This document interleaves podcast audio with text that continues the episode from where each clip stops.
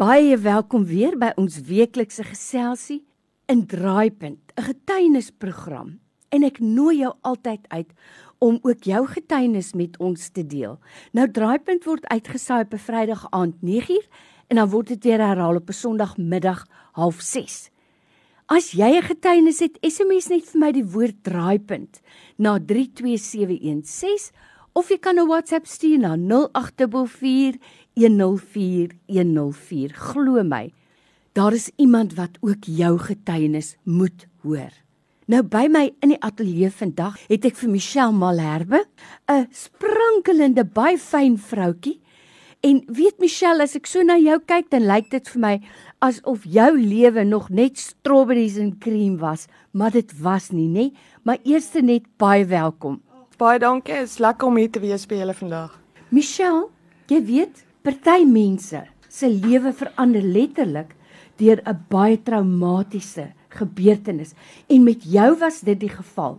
Dis al 'n paar jaar gelede, maar die Here het 'n pad gestap met jou. Oh, oh. Maar vertel ons van daardie dag toe jy die trauma deurgemaak het. Dit was in 1996 was ek en my man in 'n ongeluk geweest. Daai tyd het ons nog net uitgegaan. Ons het 'n bakkie gerol. Dit was my baie erg geweest. Ek het actually bygekom toe my kop by die venster uit is oh. en ek het daai gehoor hoe my neus skraap oor die grondpad. En ek sê tot vandag toe die Heilige Gees my daar wakker gemaak want wow. toe stamp ek op die grondpad, het ek my arms uitgedruk en my kop teruggestamp in die kar in sodat ek nie moet uitval nie. Oh. Terwyl die kar besig is om te rol. Terwyl die kar besig was om te rol. Okay, so toe die bakkie tot stilstand kom, het ek 'n gat in my kop gehad. Ek het so groot geskrik, ek het uitgespring. Maar die gat in my kop was die ergste. Behalwe nou vir die knie en alles verder wat seer was. My man het baie seer gekry, ook hy het 'n veloorplanting gekry in sy arm en al sy arm het uitgehang. Toe is ons daardeur en daar is ek vervoer na hospitaal toe ook baie traumaties. Ek het opgekyk en gesien hoe hardloop die kakkerlakke oor die oor die dak. Dit was regtig 'n uh, agterstraatse, maar dit is wat hulle kon doen op daai oomblik. Mm. Want dit was die naaste aan hulle om die wond toe te kry op my kop en toe het hulle katoengaring gebruik. My aarde om my wond toe te maak. Skaars doodgespuit. Die dokter het my gesê draai om, ek het my kop so in die kussing gelê en hulle het my wond begin toe toe maak en dan spoel hy iets oor en dan sien ek hoe val die bloed in. So dit was regtig traumaties vir my. Vriende het ons kom haal daar by die see en ons deurgery terug huis toe en toe ek in die stort staan en ek staan en spoel my hare af voordat ons na Unitas Hospitaal toe gaan, daai tyd het ons op Tore gebly. Toe kyk ek so op en ek sê God, ek kan nie dit weer aan my doen nie. Want terwyl ek my hare was, nie was nie, ek kon nie shampoo gebruik nie want my hele kop is stikkend agter het die die bloed in die stukke vel het nog afgeloop van my hare af. Ai, jene. Soos wat dit droog geword het. En um Ek het al gestaan en vir God gesê dit was die laaste keer. Ek kan nie dit weer aan my doen nie. Ek wil nooit ooit weer in ongeluk wees nie en dit is waar my pad begin het. Nou by my in die ateljee vandag het ek vir Michelle Malherbe. Jy weet Michelle, 'n mens moet regtig waar 'n baie nou pad met die Here loop om met hom te praat soos 'n vriend. Jy weet, nou vra jy iets van God en dan sou 'n mens met terugskoue nou wonder dit wat jy gevra het, hoe het God dit in jou lewe uitgespeel? So, word ek gesond, alles is reg en elke nou maar van daar af het ek vrees vir bestuur. Mm. Ek het vrees vir die pad. Ek het vrees vir as mense agter my skielik op my afgery kom, gaan hulle pas op want ek is bang. Mm. So dit gebeur dat ek eendag werk toe ry, die hele ruk daarna. Ry ek werk toe een oggend en ek kyk regs en toe ek voor kyk, staan die kar stil en ek breek en die kar beweeg van agter die kar af na die volgende baan toe. Wow. Ek het so 'n Formula 1 drywer gevoel. En ek het daar iets agtergekom, maar ek nie regtig iets agter, maar ek ek het geweet something happened there wat amper menslik onmoontlik is. Dit is onmoontlik geweest want ek is nie ek bestuur nie so nie. Ek moes gebreek het en die kar moes gegly het, maar het actually oorgeskuif na die ander baan. Ek was actually baie trots op myself. ek daar ry en ek kyk vir die mense om en ek dink ek, ek kan bestuur hoor, maar wow. ek het iets agtergekom maar nie regtig nie. En toe omtrent so jaar later toe ek by 'n vriendin gaan kuier wat soontoe getrek selfde omgewing en ek nooit daai kant toe nog gery nie. So ry ek en ek stop by die stopstraat en ek ek het met 'n korry gery daai tyd, klein karretjie. En ek sien hierdie uh, Mercedes, een van die ou Mercedes, is kom van uh, die linkerkant afgery. En ek neem aan ek het te stop, hy het te stop, so hy gaan nou stop en dan kan ek oorgaan. En ehm um, ek sien hy kom aan en hy's naby maar ek dis ek kan sien hy's 'n ou oom en hy gaan ons nou stop. En toe ek begin oorry en ek maak my oë oop, toe kyk ek in die voorste hendel van die Mercedes vas. En jy besef hy het nooit gestop nie. Hy het nie gestop nie. En ek maak my oë toe en toe ek my oë oopmaak, toe staan ek 'n blok verder. Michelle, ek wil vandag vir jou sê, jy nou beskryf nê, het ek nie eenmal nie. Ek het dit al 'n paar maal gehoor in hierdie ateljee. Sure, Waar mense nie kan in woorde beskryf, beskryf wat daar nie. gebeur het nie. Hoe is dit moontlik? Jy kan dit nie verduidelik God nie, is nê. groter as wat ons dink. Hoe voel 'n mens op daai oomblik?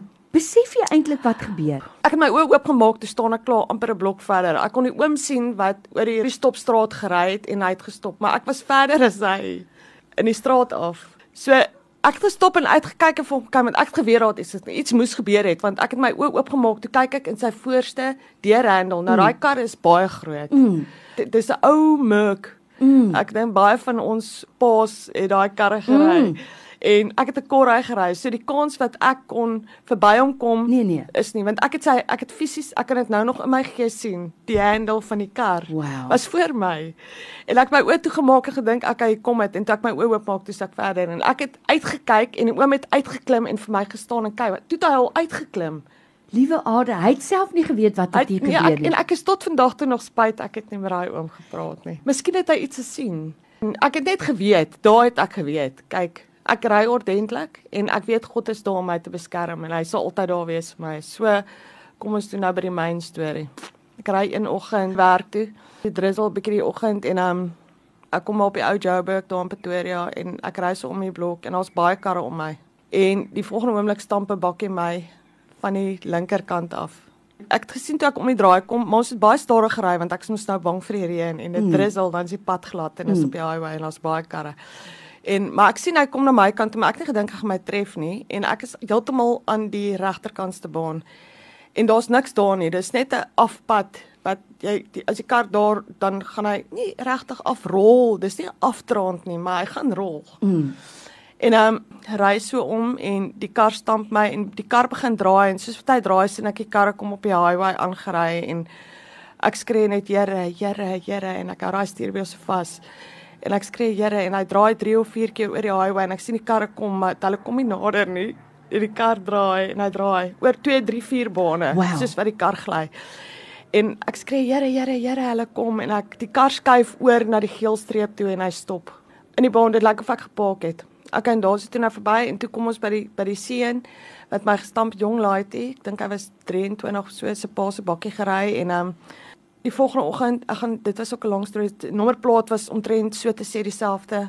Assurance het my actually gebel en my gesê ek het die verkeerde uh, nommerplaatnommer gegee. Soos ek wil nee, ek het nie, dis myne. So sy oor is snaaks want altyd die karre se nommerplate is omtrent presies presies dieselfde. En toe is dit uitgesort en die volgende oggend ry ek werk toe en toe begin ek net huil. Want ek kon nie glo dat God daai belofte aan my gebreek het nie.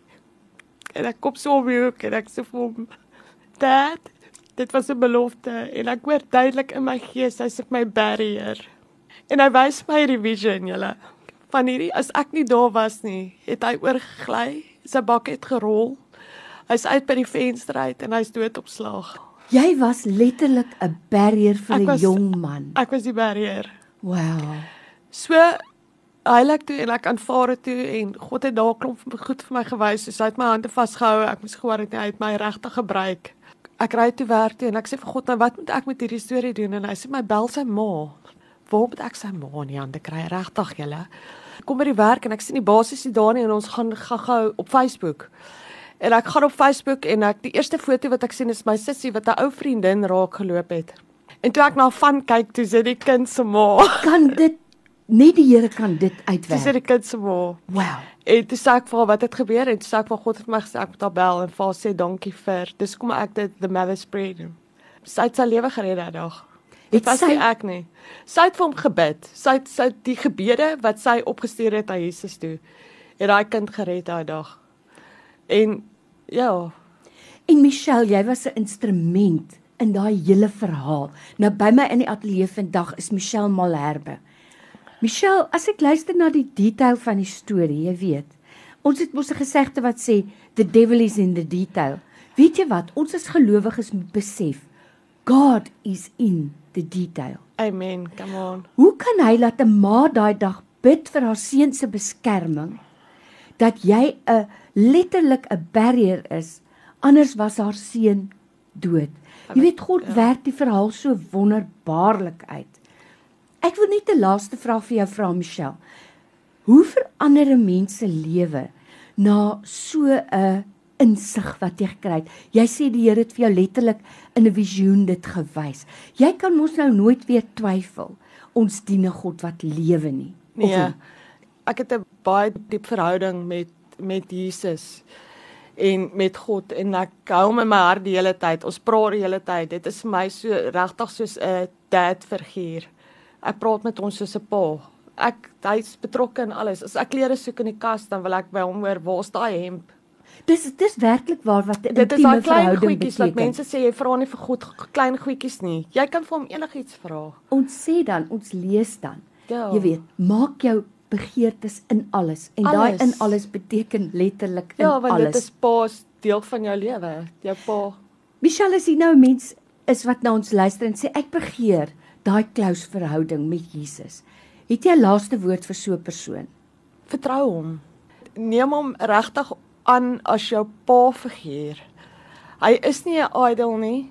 Hy wil nie verafgod word nie. Hy wil daar wees vir jou. Hy wil hy wil daar wees as jy as jy wonder, nie noodwendig wonder oor probleme en sulke goed nie. Hy wil net deel wees van jou lewe. Jou elke dag se bestaan. Hy wil deel wees van as jy in die straat loop, wil hy hê jy moet opkyk en weet wat het hy vir jou gedoen. Hy die blare, kyk na die blare en die bome om jou, die natuur. Hy's daar. Hy's om jou. Hy openbaar ja, homself. En die wonder vir my van alles Michelle is dat hy vir ons sy woord gegee het. En ons weet in die begin was die woord en die woord was by God en die woord was God en die woord het vlees geword. Jesus is ook Amen. die woord van God. So hy openbaar homself ook vir ons in die Bybel. Weet jy, jy het vir my weer my geloof so kom versterk vandag man. Net om weer te besef ons dien 'n God wat lewe. Ja. Ja. Vir jou tyd vandag Michelle baie dankie. baie dankie. dankie. As iemand vir jou dalk 'n likeie wil gee Michelle en sê bid vir my of help vir my om ook so 'n diep persoonlike verhouding met Jesus te hê. As jy bereid is om dit te doen, gee net vir ons jou kontakbesonderhede. Julle is meer as welkom. Ek deel graag God se liefde met julle en ek ek hou daarvan om raad te gee. My telefoonnommer is 076 136 8606. Ek herhaal 076 136 8606 en jy kan vir my WhatsApp ook as jy wil. Dankie man. Wat 'n wonderlike getuienis. Nou ja, ek groet vir jou tot volgende week. Totsiens.